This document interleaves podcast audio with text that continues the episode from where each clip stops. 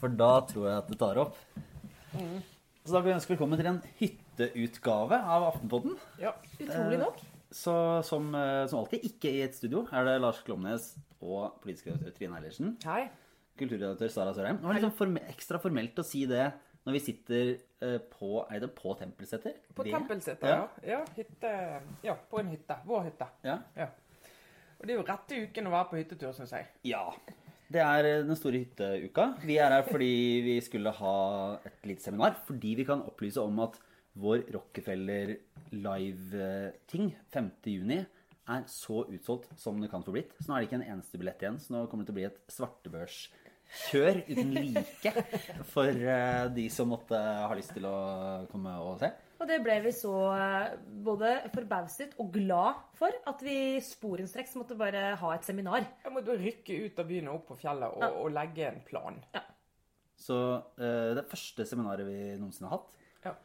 Så det pågår altså nå. Så dere er altså direkte inne fra Aftenpoddens første seminar. Ja. Og eh, før vi går i gang, så må jeg bare Vi må jo skryte litt av at nå er det eh, torsdag formiddag, er det ikke det? Ja. Jo. Og vi har allerede gått på ski. ja. Det har vi gjort. Litt sugende føre, riktignok, må vi si. Det er vår i Norge. Det er vår i Norge. Våren er kommet overalt. Og jeg og Trine fikk endelig satt, satt fysisk, fikk uttrykt fysisk eh, eh, liksom de mest tydelige kulturelle motsetningene eh, mellom oss. Eh, på, rett og slett bare forskjellen på Vestlandet og Østlandet. Det, alt det i et nøtteskall er jo hva slags skiutstyr vi har. Ja, og hva skiutstyr du har vokst opp med. Ja. Ja, og hva du syns om, eh, om eh, den type føre og motbakker og sånt. Så der har vi langrenn, fjellski og noe midt imellom. Eh, Men eh, vi er jo da på hytta til eh, godeste Eilertsen, eh, som har åpnet opp. eh, Og vi har jo måttet liksom tatt en liten status. Vi skal innom litt, eh, litt sånn eh, Navarsete meldingsopplegg. Vi skal snakke litt om Giske. Skal man kalle det et comeback? I hvert fall diskusjonen rundt hans opptredener i eh, NRK og på en slags fest, hva man måtte ville kalle den. Og så, for alle de som måtte ha ønsket seg dette, så kommer det et lite Det blir jo ikke et reformhjørne som sådan, men eh, Trine kan få lov til å snakke litt om utredningsinstruksen. Et utredningshjørne. Ja. Eh, og så blir det litt, eh, litt, annen, eh, litt annet. Men eh, vi har jo ja, måtte, har gått gjennom Facebook Messenger-loggene våre for å se at det ikke har skjedd noe I går kveld. eh, rusk mens noen var borte i går kveld. Alle tar med seg telefonen på do. Ja, Ja. Innfører sånn trippel lås. Altså hyttetur, hyttetur med mobil er jo nå blitt en risikoøvelse. Eh, Det er mulig det har vært en stund, men nå er det liksom nå er det sånn Man er ikke så dum at man legger fra seg telefonen på kjøkkenbordet når man går på do på hyttetur. Og det kan jo eh, Vi gikk en liten sånn runde på dette, og det er jo det er mange som har opplevd at når man er på hyttetur Så det er jo en eh, Det er jo ikke en helt fremmed aktivitet, det å, at noen tar over mobilen til noen andre og skriver ting. Eller gjør, eh, gjør et eller annet som er litt flaut. Eller uh, Jeg var på en hyttetur der jeg hadde vært liksom raus nok til å legge telefonen min som spiller liksom, spille, musikkspillelistegreie hele kvelden. Og våkna opp dagen etter med at jeg var meldt inn i alle Sør-Amerikas sånne Nickelback-fangrupper. Uh, det fine var at det var med en annen kompis også, og som ble lagt på hans sånn Facebook-vegg at han elska Jeg tror det var et Nickelback-album. Eh, og så ble det så mange som Plutselig kom det sånne støtteerklæringer til fra andre folk. Som bare, ja, det er en eh, skjult perle, det albumet. Og da ble det litt sånn der, eh, litt flaut å si Er du helt dum i huet? Dette er jo ikke Mener du ikke? Men de, i hvert fall de fleste sånne små uh, hyttespøker Ja. er jo mer uskyldige enn å sende en, en ganske grov, ufin melding til en tidligere sjef. Ja, og Fordi her er det jo, ja, for dette er jo sånn sosialt Her skal man navigere sosialt som i et minelagt landskap. Fordi det er egentlig forbudt. Altså Telefonen er det mest private vi har nå. Altså, Omtrent. Det er forbudt å ta en annens telefon. Eh, rett og slett. Og det er i hvert fall forbudt å legge ut ting ved hjelp av den telefonen. Men hvis man først gjør det, så kan det jo være hysterisk morsomt. Selvfølgelig, Fordi det er tabu. Det er vår tids største tabu. Men da skal man liksom, å melde noen inn i en eh, Facebook-gruppe er liksom omtrent der grensa går. da. Alt annet enn det er sånn altså, hadde blitt så, for, så eitrende forbanna. Hvis da noen hadde tatt min telefon og sendt en, ja, en sånn sexmelding til en tidligere sjef som jeg hadde kranglet med, for eksempel. For eksempel, ja. For å ta et Bare for, ja. ja, så går, opp, det dreier seg da om, om eh, den uh, meldingen som ble sendt til Liv Signe Navarsete. Vi var jo så vidt så vidt innom det forrige uke også, men nå har det jo bare fortsatt å balle på seg. Der det var ti uh, menn. Ja. Eh, venner og politikerkollegaer i all hovedsak fra Senterpartiet som var på hyttetur i Åre i Sverige for to år siden. Eh, blant andre da Ola Borten Moe og flere andre. Sentrale folk i hans krets. Ja. De er jo også, det er også sånne folk som har eh, etablerte venner og politiske eh, Støttespillere. støttespillere. Ja. Og To ordførere. ja. sant? Ivar Vignes og eh, Bjørn Arild Gram Steinkjer, de ordførere. Så tidligere statssekretær Ellen Fuglum og ja, flere sånne profilerte Senterpartinavn Mm. Så var der på guttetur. Og vi snakker da en periode som altså Hvor lenge var det da siden altså den, og Det er en klisjé å si den, den opprivende striden, men det var virkelig det det var eh, før Navarsete ga seg som Senterpartileder. Hun har selv vært ute, jeg tror jeg vi har nevnt i poden også, vært ute og, og uh, nå for ikke så lenge siden har sagt at hun uh, må behandles for posttraumatisk stressyndrom eh, på grunn av den maktkampen. Eh, og at den var veldig tøff. Og der var det jo Ola Borten Moe og eh, Navarsete som vel litt forenklet sett sto mot hverandre. Det var en de var, de var, mellom de ja, og var på en måte frontfigurer for hver sin fløy, og samarbeidet ikke spesielt godt, og var ikke spesielt gode venner. Nei. Det tror jeg er pent sagt. Men eh, nei, Navarsete ga seg da i 2014. Da tok Trygve Slagsvold Vedum over. Eh, Ola Borten Moe fortsatte som nestleder, men gikk jo ut av Stortinget. Så han har jo hatt en mer en, en anonym posisjon og ikke egentlig vært, vært i noe sentrum av politikk. Og en kan jo spørre seg om dette er altså er dette politikk, eller er det en gammel en liten historie som ja, som er ufin, men som altså, hva, hva, er, hva er egentlig betydningen? Hvorfor er dette en, en større sak enn en, en ufin eller en dårlig spøk? Et, et, altså, alle sånne meldinger eller sånne episoder må jo leses i en kontekst. Altså hvis du bare får en melding fra en tilfeldig person med det innholdet, eller en du bare har møtt, eller en du har kranglet med, så du liksom Du, du jobber ikke sammen, du er ikke i samme organisasjon. Det er veldig, det er veldig kjipt. Eh, veldig ubehagelig. Men, men her er det jo en kontekst som gjør at ekstra ubehagelig. Eh, og jeg syns egentlig Liv Signe Navarsete beskriver det ganske godt. For det første så har de hatt denne eh, konflikten som endte som han gjorde, med at hun gikk av. Eh, og så sier hun du, du skjønner jo det. altså Hennes følelse i hvert fall da, er at de har jo sikkert sittet og snakket om meg Ja, hun har jo vært et tema, ikke sant? før, før dette skjer. Uh, du, og jeg har sikkert blitt uh, vurdert og snakket om på veldig ufordelaktig måte. Og så på en eller annen måte så kulminerer det med at en eller annen uh, lager denne meldingen. er jo bildet hun har. Og mange ser jo for seg da at de andre sitter rundt og, og ler og syns dette er gøy, og sender den av gårde og ikke gjør noe med det etterpå. Eh, det vet vi jo ikke. Sant? Det er jo det som er hele Ja, for dette er jo et sånt eh, mm. historien her. For det var jo Morten Søberg, tidligere statssekretær, sin telefon som ble brukt. Han var ikke i rommet, og dette tror jo alle på. At han ikke har noe med det å og gjøre. så er det vel Det er jo um, det, ja, det, det er jo ikke noe sånn at man skal relativisere det, men det er jo litt typisk en situasjon der det at det er hans telefon, virker jo ikke helt tilfeldig heller, fordi nettopp han er en fyr som ingen tror nå har stått bak dette selv. Ja, altså- altså, det er et eller annet med kontrasten mellom avsender og beskjed er jo et, ja. Uh, et eller annet element i, i situasjonen her. Men hvis jeg skal være helt ærlig, så akkurat det er faktisk på en sånn Det er, det er over grensen sånn, totalt sånn moralsk, men det er noe litt sånn komisk med at det er akkurat den avsenderen. Fordi han, eh, sånn som han fremstår i politikken, og når man møter han, og den typen politiker han er altså, eh, Kanskje verdens streiteste fyr. Og utrolig opptatt av eh, ganske Han er nesten like opptatt av kjedelige ting som deg, Trine. Ja, ja, men han, han, er, han er mer opptatt av kjedelige ting enn meg. Det var jo han som skrev senatet som aldri vart, Sara, som du har fortalt. Men, eh, men eh, det, Ikke en sånn type man forbinder med den typen humor i det hele tatt. Så det ligger jo en sånn slags altså Jeg kan, kan skjønne på et eller annet sykt vis at det, det gjør det litt ekstra sånn hæ-hæ. At det er akkurat Fordi at da spøker du både med han og med henne samtidig. Så det er jo litt sånn for de som ville det.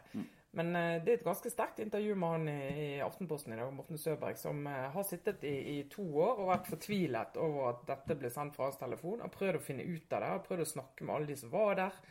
Eh, anklager eh, partisekretæren i Senterpartiet for å egentlig forsømme seg ganske grundig med å ikke finne ut av dette og jobbe mer aktivt for å finne ut. Og, og beskriver det sånn at han har pushet på for at de skal få avklart, fordi han syns det er så ubehagelig. Og nå offentliggjøringen av hele saken og at navnet hans er nasjonalt kjent, selv om han det understrekes jo alle at ingen som tror han har gjort det. Så er han så sterkt knyttet til den saken. Og så han beskriver veldig sterkt hvordan det oppleves eh, i dag, da. Eh, og så er Ola Borten Moe nestleder i Senterpartiet, som nå, nå etter to år er veldig fortvilet og opprørt over det som skjedde. Og det er litt sånn Han er nestleder i partiet. Han var i året, eh, og alle har i hvert fall inntrykk av at det var alle disse var til stede på en eller annen måte da dette skjedde, og det ble kjent veldig raskt at det hadde skjedd. Og da er jo spørsmålet hva han som nestleder i et parti, som også skal sørge for organisasjonskultur og partikultur, og bidra til at gamle konflikter blir, blir løst, eh, og at du kan gå videre etter det. Og jeg mener Han har et særlig ansvar for å gå inn i en sånn sak og prøve å få den løst. Og at når han nå, først når det er blitt medieoppmerksomhet rundt det, er så opprørt, det syns jeg faktisk er da tenker jeg, Er du opprørt fordi at du blir uttenkt, eller er du opprørt pga. kjernen i saken? For det hadde vel vært en sak det hadde vært mulig å løse hvis med en veldig Med en telefonsamtale dagen etter Ja. der man legger seg ordentlig flatt. For det er ikke noe tvil om at altså, hvis man skal se det på mest mulig sånn, hvis man skal være mest mulig tilgivende, da, og tenke sånn, vet du hva, det var en spøk som gikk helt galt. Mm.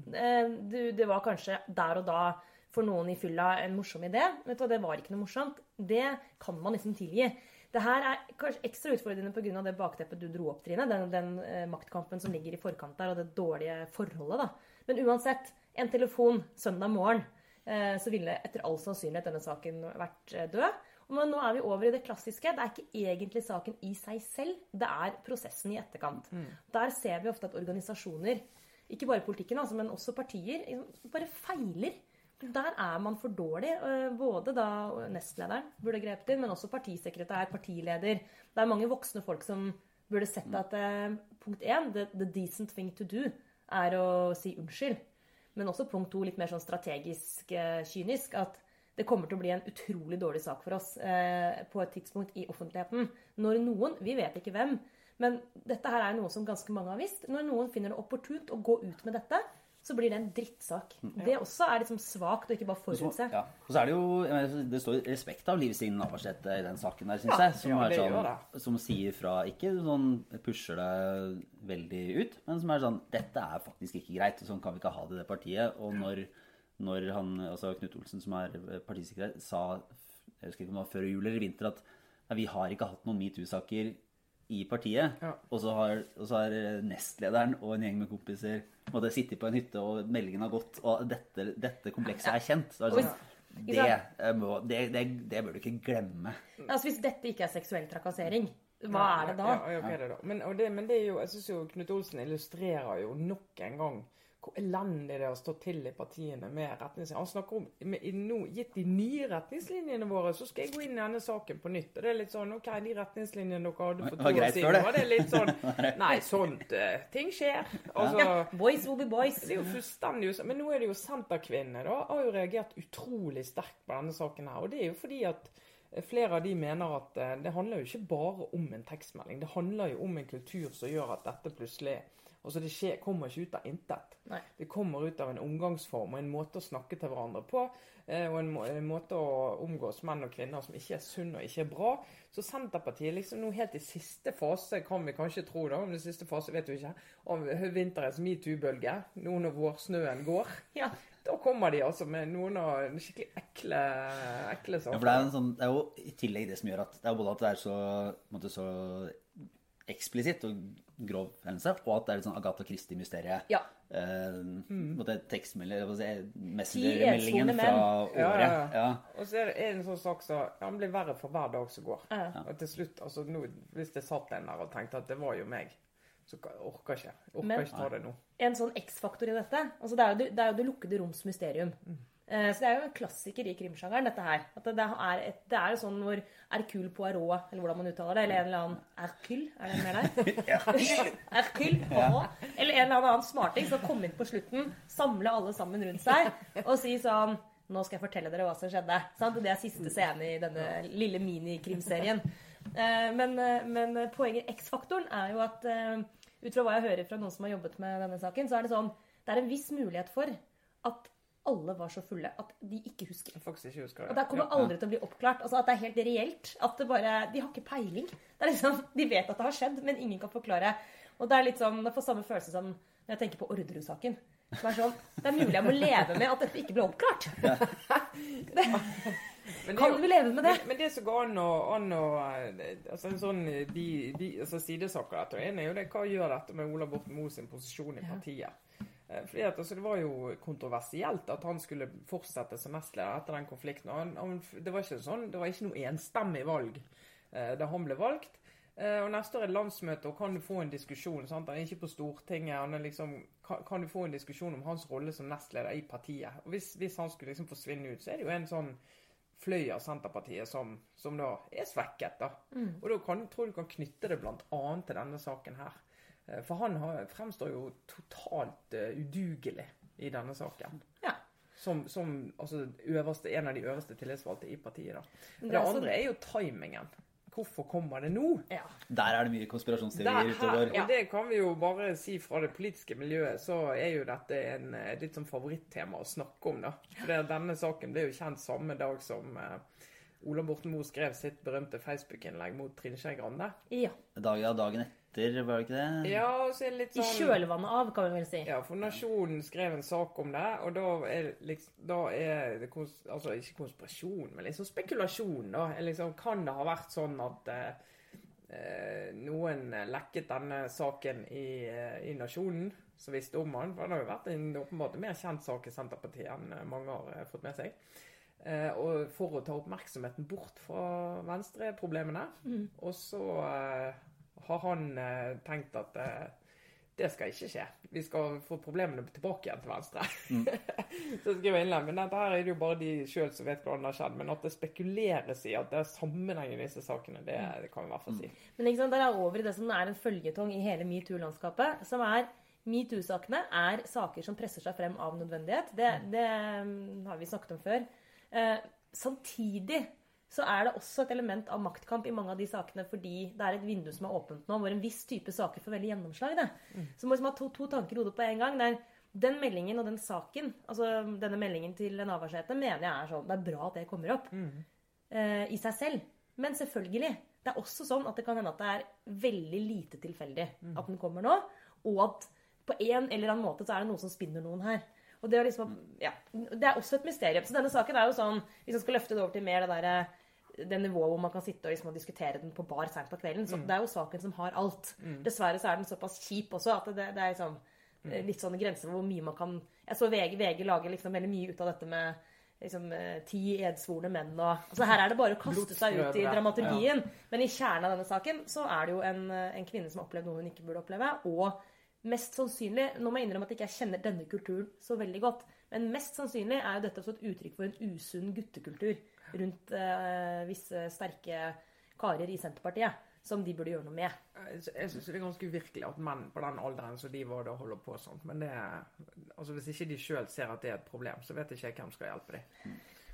Men eh, litt, en liten eh, ne- neste metoo-debatten, som også er litt sånn vanskelig, og mange sånn politiske spillelementer og som kommer inn i det, er jo debatten som har vært i, i kjølvannet av at eh, Trond Giske var i NRK-debatt Ja.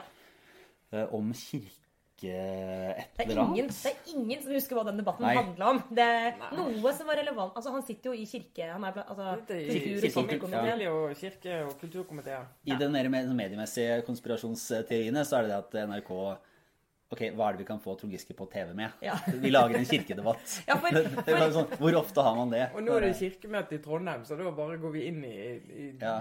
Vår Frues kirke, var det det? Og så lager vi sending derfra. Og så Ja. vi, Men han var i hvert fall da, han var jo først eh, i denne debatten, og så kom det fram at han har vært på en, en fest Ja. som eh, Vi kan ta festdefinisjonen først. fordi det, det har vært fram og tilbake i mediene om dette var en AUF-fest. Ja, Første fremstilling av den saken var jo Trond Giske dukket opp eh, på AUF-fest. Uanmeldt, nesten. Nei, det sto det kanskje ikke. Men det var liksom Duk, dukket opp gir jo inntrykk av at det var Ok, ramla inn på Party dette crusher, her. ja, ja, liksom. Sånn i halv ett-draget ramlende inn på, på en fest med masse ungdommer, liksom. Det Ja, var sånn 15-åringer. ja.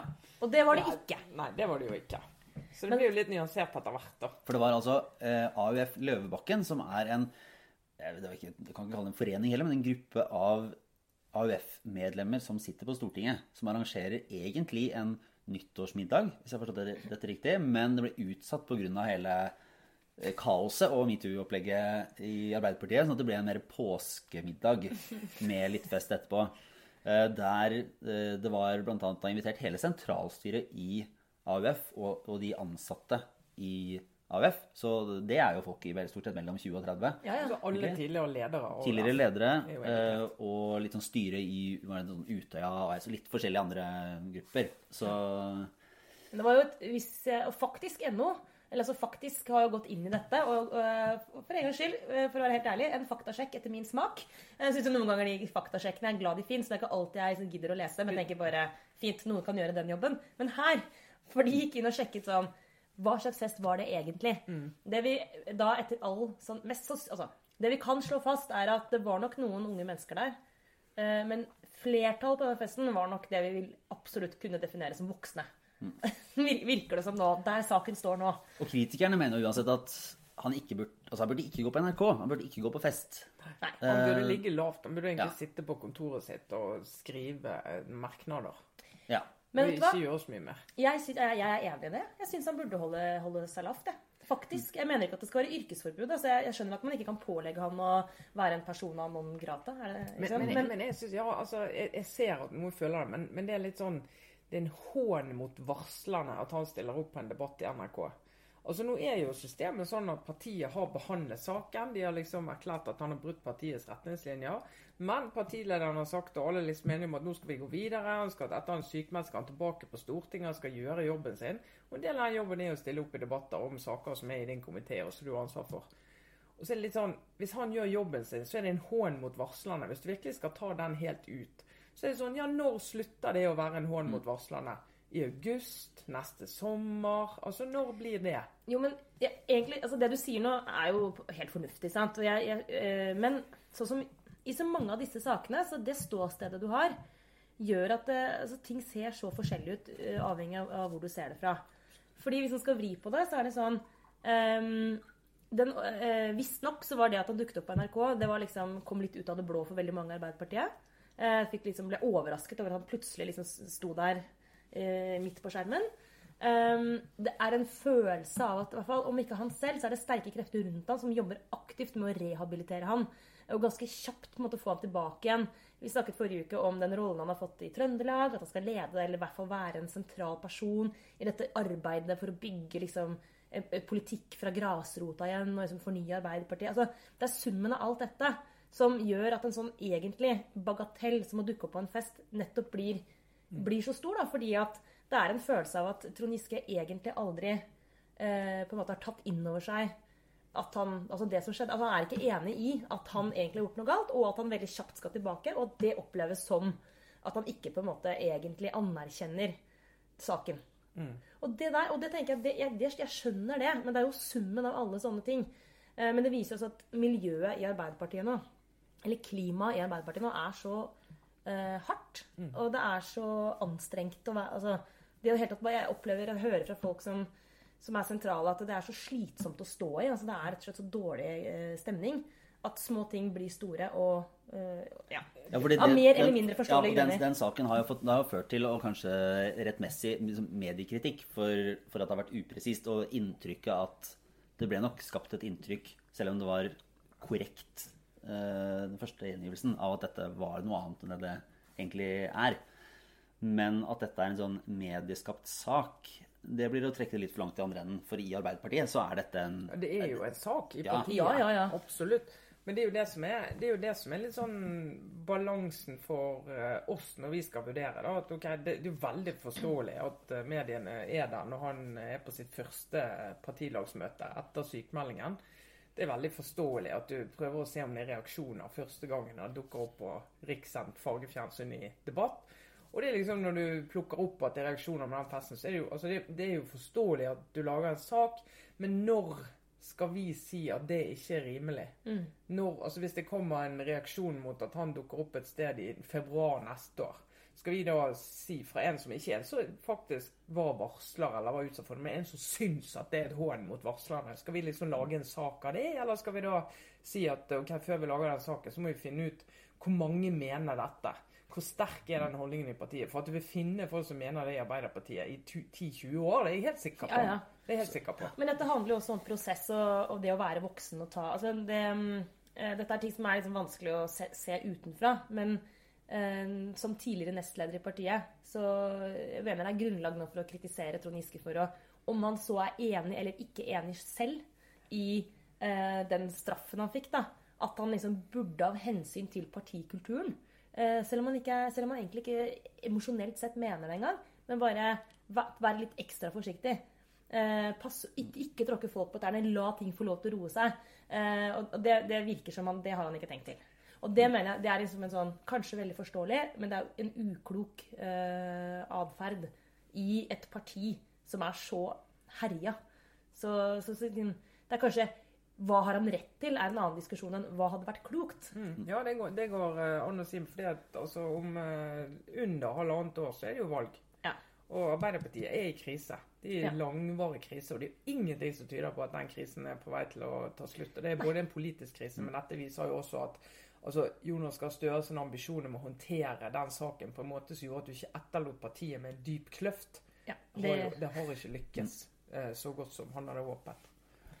Men eh, skal vi se Vi eh, kjører på. Et, etter eh, dette, som er den lille eller reklamepausen vår, som jeg skal omtale med all mulig varme, eh, så kommer vi tilbake til utredningsinstruksen. Og der eh, kommer det snart eh, T-skjorter i posten, Ja. eh, tror jeg. Men det kommer vi tilbake til.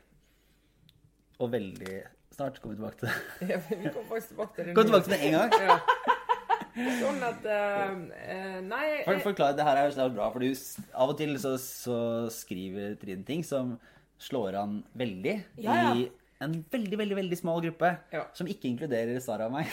Nei, sånn at um, Sara og Lars er medlemmer av den nok store majoriteten av Aftenpostens lesere som ikke har lest min hylleste utredningsinstruksen. men vi har, te vi har egentlig hatt på lista begge to at vi skulle lese den, i hvert fall Ja. før denne sendingen. Men det har vi ikke. Vi har rett og slett ikke rukket det. Men der, der, der, skrev, der skrev jeg rett og slett som tittel at jeg ønsker meg en T-skjorte som står utredningsinstruksen på. Og det er veldig bra, for det kommer jeg til å få. Jeg kommer til å få det. Det er folk i gang med å lage den til meg. Så jeg er veldig fornøyd. Da skal jeg gå med den. Jeg kan ikke skamme på meg 5. juni. Ja, det tror Ja. jeg jeg skal.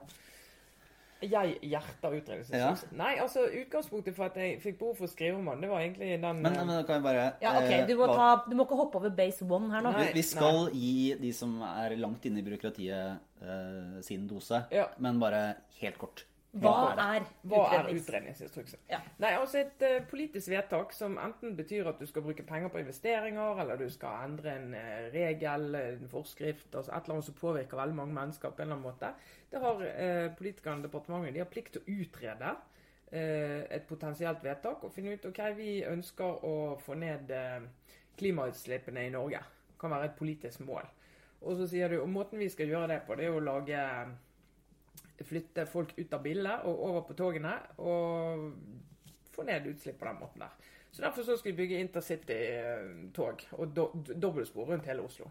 Flott. Og Da sier utredningsinstruksen at det må du gjerne mene, men det du skal begynne med, er at du skal stille en del grunnleggende spørsmål. Hvis målet er å få ned klimautslippene, hva er de beste tiltakene mot det? Ramse opp en del forskjellige tiltak. Og Så skal du vurdere de ulike tiltakene. og Da er disse dobbeltsporene ett av flere tiltak. Så skal du vurdere kostnaden med det, og så skal du vurdere kunne de pengene ha de en alternativ anvendelse som gjør at vi når målet på en rimeligere måte. Da må du få det inn. Og så må du, må du gjøre det eh, og ha en tempoet vi gjør det på. Politikerne har lyst til at dette skal være ferdig i 2024. Eh, ja, ok, Hva betyr det? Jo, det betyr at det blir mye dyrere. Alt dette må du utrede. Og Hva blir konsekvensen av det? Skal du satse på noen andre tiltak da, kanskje?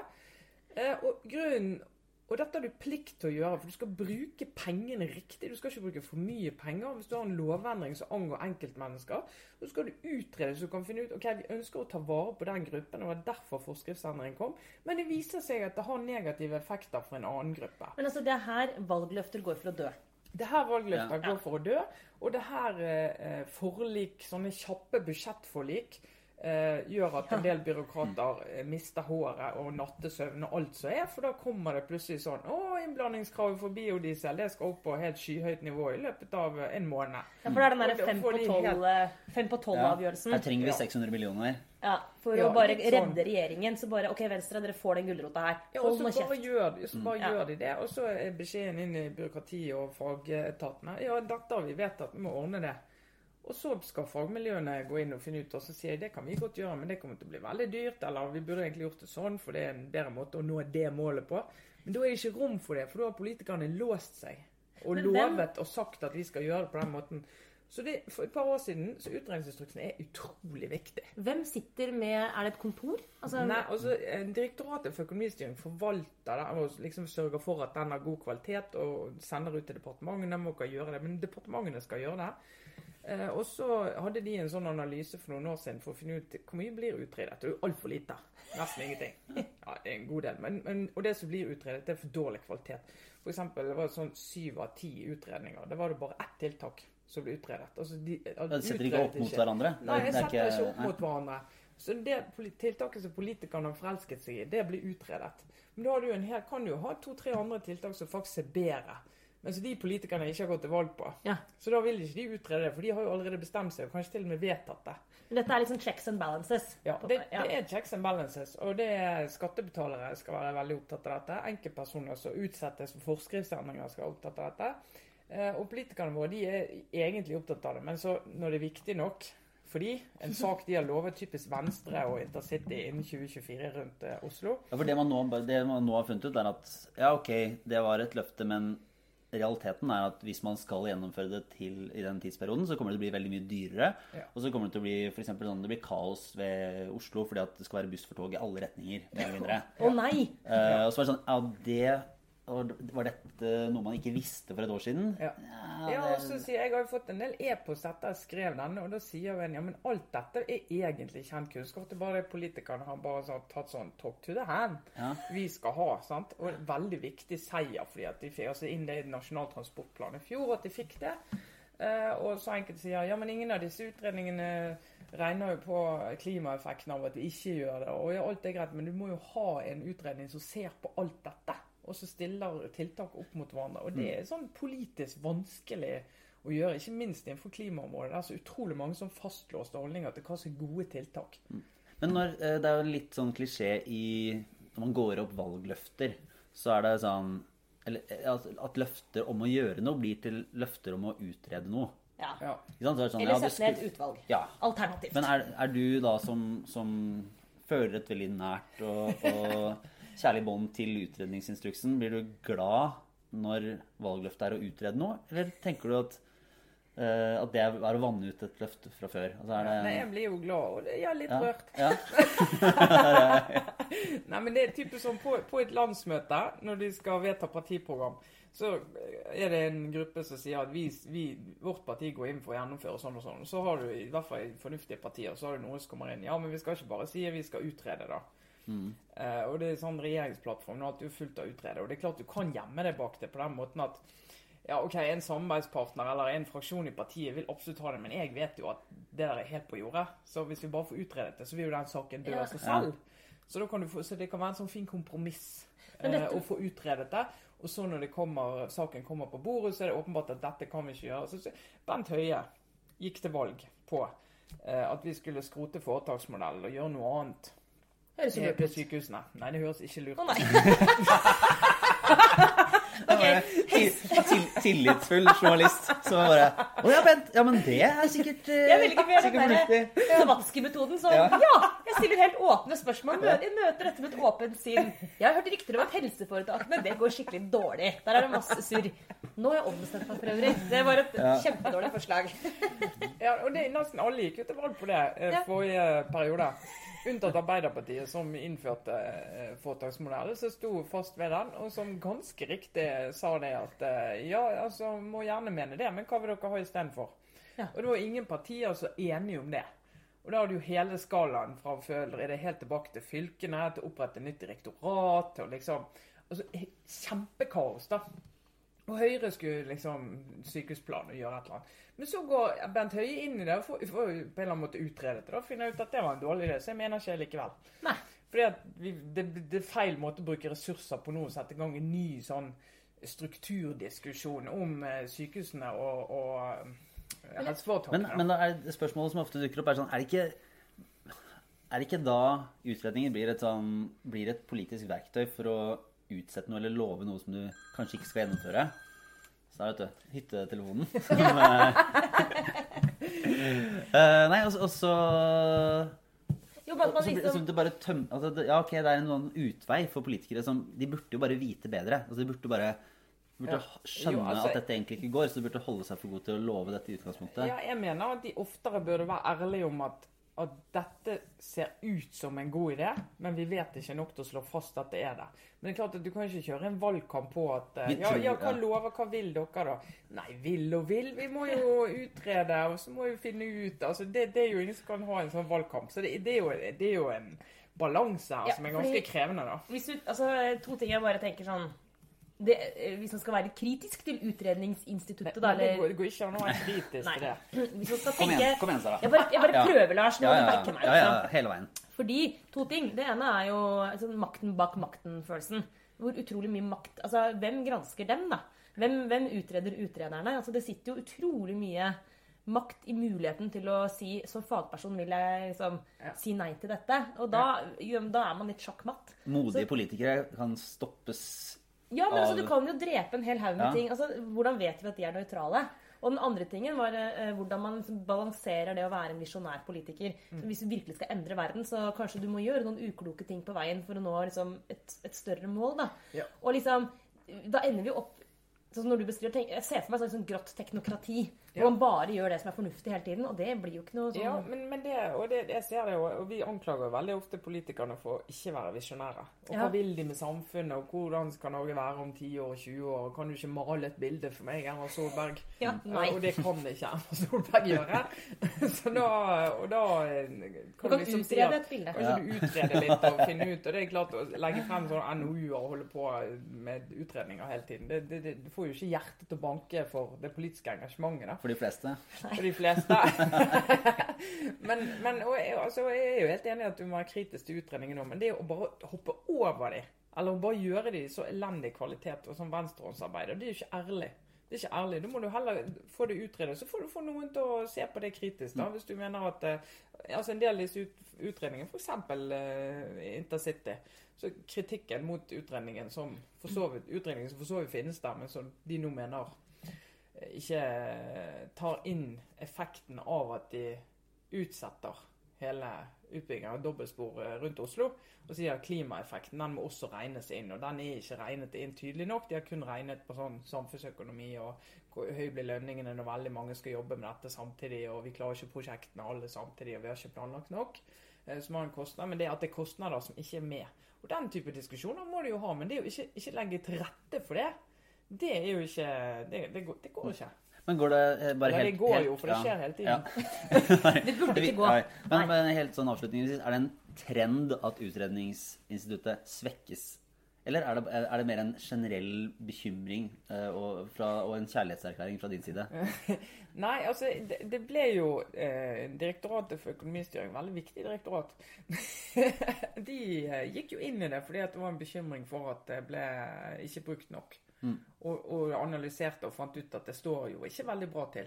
Og det er jo Riksrevisjonens jobb er da etter, etter du har droppet utredningsinstruksen og satt i gang et eller annet sånn halseløst eh, ambisjon, eller en eller annen visjon, så kommer Riksrevisjonen inn etterpå og sier ja, det dere lovet og vedtatt Stortinget, eh, fikk dere det til?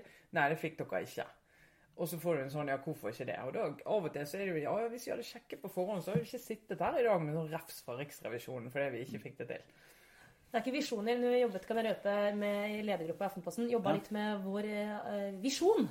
Det er, ikke det, mest, det er ikke da du er mest aktiv, Trine, i, i diskusjoner i ledelsen i Aftenposten. Det er ikke noe vi diskuterer. Vår overordnede visjon. Da ser jeg at da må du ta deg sammen litt. Grann. Eh, Det syns jeg er litt Ja, fint med visjoner. men- Men mens eh, ja, Men de må, kunne, bru- de må utredes. Det er Ja. egentlig Skal konklusjonen. vi utrede denne visjonen litt, og så får vi se. Men uh, vi har vel litt uh, obligatorisk refleksjon også. Ja. Um, Sara, vil du begynne? Her du sitter i solskinnet fra fjellet og sola og hele i hytteveggen, mer eller mindre. Ja, jeg var litt uh, usikker på hva jeg skulle velge. Men jeg, uh, egentlig den, den personen jeg har tenkt mest på denne uka, er uh, Jon Michelet. Jeg har egentlig lyst til å snakke litt om han. For dette, han er en sånn, eller var dessverre, han som sikkert mange har fått med seg, nå døde for noen dager siden. Og har levd et helt sånn ekstraordinært liv. Som en av nå, altså På slutten av livet så ble han jo en av Norges mest folkekjære forfattere med, med bøkene sine om norske sjøfolk. som jo er blant de bestselgende eh, norske romanene. Ikke bare de siste årene, men er helt der oppe. Det er de største boksuksessene vi har. Men før han kom dit, så har han vært gjennom altså Det er en mann som har levd flere liv. Eh, og bare i kort, kort versjon, i tillegg til å være en veldig anerkjent forfatter, så har han også vært da sjømann sjøl. Eh, og vært en veldig aktiv figur på venstresiden i norsk politikk. Og vært sjefredaktør i Klassekampen. Eh, og liksom vært en sånn eh, Og vært, eh, nå har vi sikkert, han, og vært programleder på Fangene på fortet. Det har han også. Og vært, hold dere fast, redaktør i Vi Menn. Oi! Ja, ja, Ja. det, er- det er riktig. Mange og, liv. Og har, vært, og har også vært en sånn veldig macho, litt sånn eh, Egentlig ganske sånn tabloid En kjendis, på en måte. Altså litt sånn kjekkas. eh, Og levde et eh, ganske sånn gøyalt liv, tror jeg, på 80-tallet. Var en del av en sånn gjeng der. Det, det var eh, Ja, det skjedde ting, tror jeg. Men også i, i senere han, ble alvorlig syk for en del år tilbake. Og snakket også veldig fint om det eh, mange ganger i offentligheten. Og fremstå Da viste han en side som var myk og følsom, og en mann midt i livet som var i stand til å sette ord på ganske sånn kompliserte følelser rundt sorg og frykt for døden. Og, og eh, jeg har selv liksom hatt gleden av å møte ham mange ganger, og må bare si at av alle forfattere som man da, når man har jobba med kulturjournalistikk, så har man jo mer eller mindre frivillig hatt ganske mange samtaler med kulturfolk. Stort sett hyggelig, ikke alltid, men Jon Michelet skiller seg ut som en sånn ah, uvanlig hyggelig kar. Så kan jo eh, det minneordet fra eh, datter Marte Bislett eh, er jo usedvanlig godt skrevet og ekstremt flott. Ja, Dere har sikkert lest det, mange av dere som hører på, men det var en sånn teksttrine som bare sprengte seg fram. Jeg tror Ja, den alle norske medier eh, publiserte den. ja. ja den, det bare står sånn usentimentalt vakkert eh, portrett av Ja. Jon Michelet. Men det er jo eh, Jeg har min eh, obligatoriske refleksjon leder ut fra Jon Michelet. For, for det som du sier, den boksuksessen handler om krigsseilerne i Norge. Og eh, krigsseilere i Norge, det er jo Altså, de, de ble snakket for lite om da de var i live. Nå er veldig mange av de døde. Eh, Og faren er at vi snakker for lite om de eh, fremover òg. Men Jon Michelet har jo løftet Ja.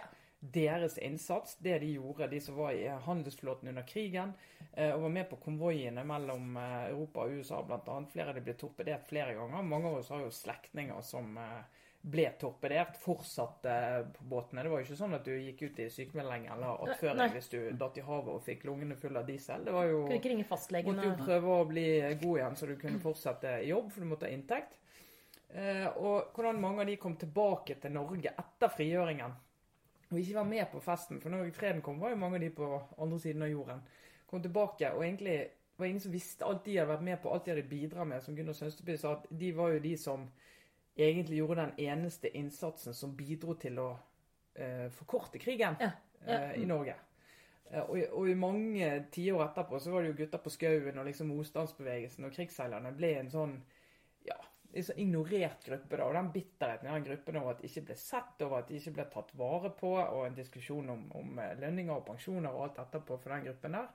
Eh, og, og den utrolige sårheten, forståelige sårheten blant de som ikke løste seg, for mange av dem var veldig gamle, mange var døde. Og så kommer Jon Michelet med, med sitt bokverk og virkelig, og skal jo, sa jo i intervjuet at dette, dette må skrives, historien må fortelles. Eh, og hvor mange av de og Min far var jo, dro til sjøs på 50- og 60-tallet. Og den generasjonen som var til sjøs, jobbet med folk som hadde vært krigsseilere, eh, og liksom fikk en anerkjent forfatter som beskrev deres liv eh, og deres jobb og deres virkelighet. Hvor utrolig mange det betyr så mye for. Det er nesten ikke mulig å overvurdere. Når jeg så i forbindelse med, med Michelets bortgang, så er det mange også som jeg kjenner altså i min Facebook-feed, som la ut sånne små bilder og historier om at eh, som en, en som skrev sånn Min morfar var krigsseiler. eh, og i, for to år siden kom Jon Michelet til bygda der han bodde. Han døde for lenge siden, men og møtte mormor og la ned krans på graven hans. Og så var det sånn fem mennesker som var der. Og da ble jeg helt sånn rørt. jeg tenker på, Så ser du bildet av sånn fine Jon Michelet som står der og holder en liten tale. da, Og ser hun enka, ikke sant? Ja, og det var det, altså det var mange bare i min eh, krets på Facebook som la ut sånne type historier. Det viser jo også noe av liksom, helt sånn kulturens mulighet til å nettopp altså I festtaler snakker vi veldig ofte om at vi har kunst og kultur fordi vi skal kanalisere følelser og stemninger og uttrykke ting og fortelle historier som er viktige for oss. Eh, og det er ofte litt vanskelig å forsvare. Når man ser på f.eks. alt som får støtte av Kulturrådet, så kan du ikke si at alt det har en sånn kjempeviktig funksjon. Men, men akkurat de bøkene der tror jeg du har helt rett i, Trine, de er liksom sannsynligvis mye sterkere form for en, en form for oppreisning eller å gjøre de historiene viktig enn noe en politiker kunne gjort, for eksempel, da. Eh, Og jeg, jeg husker så godt at jeg sto på um, eh, Jeg fikk en gang seile ut Oslofjorden med Jon Michelet i forbindelse med et arrangement eh, om bord på Hurtigruta, faktisk. Men jeg husker jeg sto på dekk med han, og så sto han sånn med vinden i håret, så pekte han Vi seilte helt Det var en tur fra Oslo til Kristiansand. Og da sto han og pekte på alle fyrene langs hele norskekysten og fortalte historier, og for meg var det sånn altså en, en fantastisk historieforteller, men med et levd liv. Med ekte historier å fortelle. Som han selvfølgelig har brakt inn i de bøkene. da. Og så, dette er jo helt sånn Det er jo egentlig fantastisk at han rakk å skrive ferdig siste bok i serien. Bokstavelig talt på dødsleiet. Skrev med, altså for hånd. Satt med pennen og skrev og skrev og skrev. Og jeg tror Marte Michelet, hans datter, sa det var to-tre uker siden han satte punktum. Og så døde han. Så det blir jo en eh, spesiell opplevelse når den boken kommer ut til høsten. da. Mm. Så det, det er en eh, ja. ja. Det var for en gangs skyld, ikke for en gangs skyld, men det var så fint å lese de, eh, den hyllesten av Jon Michelet. Det syns jeg var veldig Veldig fortjent. nesten noen tverrpolitisk, den da. Som har ikke også hans historie på venstresiden. Han er jo en av de på venstresiden som virkelig er blitt sånn folkeeie. Ja, og For å slenge den siste setningen om det, jeg har jo snakket lenge, men det er jo også sånn at eh, som en altså, langt ute på venstresiden eh, figur, eh, så er det ikke så mange som han som på, på samme grad både slo for ting altså Det kunne være helt politisk sett. altså Han har jo hatt utspill og meninger som, som jeg personlig er veldig uenig i. Men han hadde jo en varme og en humor som For å si det sånn, det er ikke så veldig veldig vanlig akkurat i det miljøet. Så bare, bare med det, og i Klassekampen, det han gjorde for den avisen Men det har vi ikke tid til å gå inn på engang. Men tusen takk for innsatsen. Hvil i fred. Ja. Eh, nei, jeg skal bare nå Jeg er jo da en starta fjelluka eh, litt tidlig med dette vidunderlige lille seminaret vårt. Eh, og så skal jeg videre til Vestlandet og stå på ski. Og egentlig bare henge rundt og hjelpe en kompis som har en sånn eh, en toppturleir. Ja. Lars, det du nå, det- dette er jo brutaliseringen av arbeidslivet. Ja. Ja, Det er jo utrolig tøft eh, å jobbe turnus. Ja, ikke sant? Så Få sånne når- friuker Ja. hvor du må er nødt til å stå litt på randonee. Ja, ikke sant? Du Reiste lyst til å stå i bar. Her, eh, ja, nei, men det blir veldig fint. Men da skal jeg også da kjøre en eh, tur etterpå på eh, fire-fem timer. Og høre videre på en liten podkast som jeg kan anbefale alle å høre. Det er sikkert mange som har vært innom før også, men den er Invisibilia. Som er en ny liten runde fra Jeg vet ikke helt hvem det er som lager det, egentlig, men de forteller veldig flotte historier om menneskeliv og fenomener som, er, eh, som kan anbefales. Nei, det er det jeg, altså, det jeg egentlig ikke er helt sikker på, men det er i hvert fall hun ene som lager den, er kona til han David Plotz, som har Slate Political Gabfest. Ja. Så det er da tydeligvis eh, dyktige folk. Men det, det er sånne fascinerende historier og, eh, og, og verdt å høre. Så jeg har hørt noen av de episodene fra før og skal høre litt flere på veien over. Så være- Invisibilia. Invisibilia. Ja. Den dagen jeg får tid til å Ja, den, den, dagen potet, eller det året poteta er like store, som det heter der jeg kommer fra, så skal jeg høre på Ja. podkasten. Dere, kan, dere skal jo kjøre ned til Osloveien, da. Så kan dere høre på Skal vei tilbake. skal vi snakke ut? Ja. Og for å si det sånn, Hvis jeg og Trine skal snakke ut det Vi prøver på det noen ganger, men det, den samtalen blir liksom ikke ferdig. Kan jeg røpe. det? har høres så hillevarslende ut. Men eh, i hvert fall Ja, for Glad meg. du, er glad du har egen bil? Er det det du Ja, sier? nei, eller jeg, jeg, jeg er bekymra for hva som skjer når jeg, når jeg ikke er der. Nei. Men vi ser om ikke vi klarer å få avslutta denne lille podkasten og lagt den ut. Og så er vi jo tilbake igjen neste uke.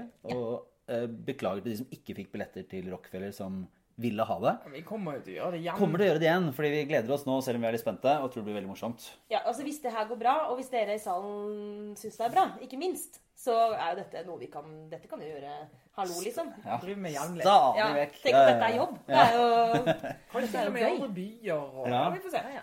Jeg har en drøm om å reise til Trøndelag, men det får vi Ja. komme tilbake til. Namsos. Uansett, takk for denne gang. Eh, ha det bra. Det var Trine Eilertsen, Sara Sørheim og meg, Lars Klomnes.